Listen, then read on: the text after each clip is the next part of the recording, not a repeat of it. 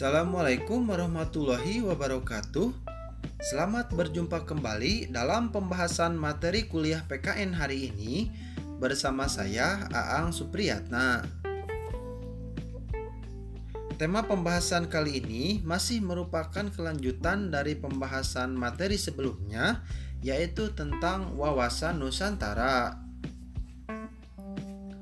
Pada sesi ini, kita akan membahas mengenai topik implementasi wawasan Nusantara.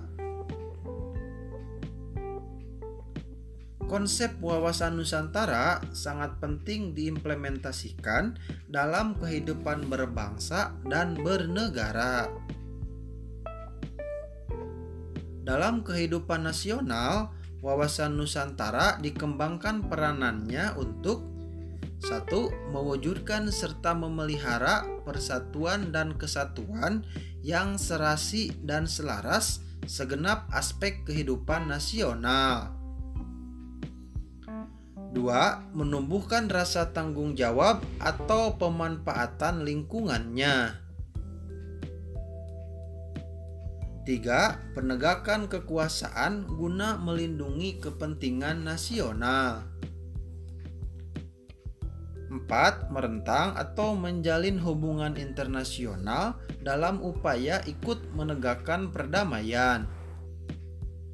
Dan 5. Wajah wawasan Nusantara.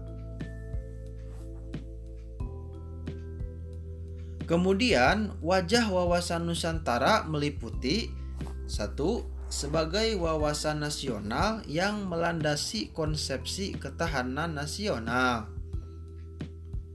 2. Sebagai wawasan pembangunan nasional 3. Sebagai wawasan pertahanan dan keamanan Dan 4. Sebagai wawasan kewilayahan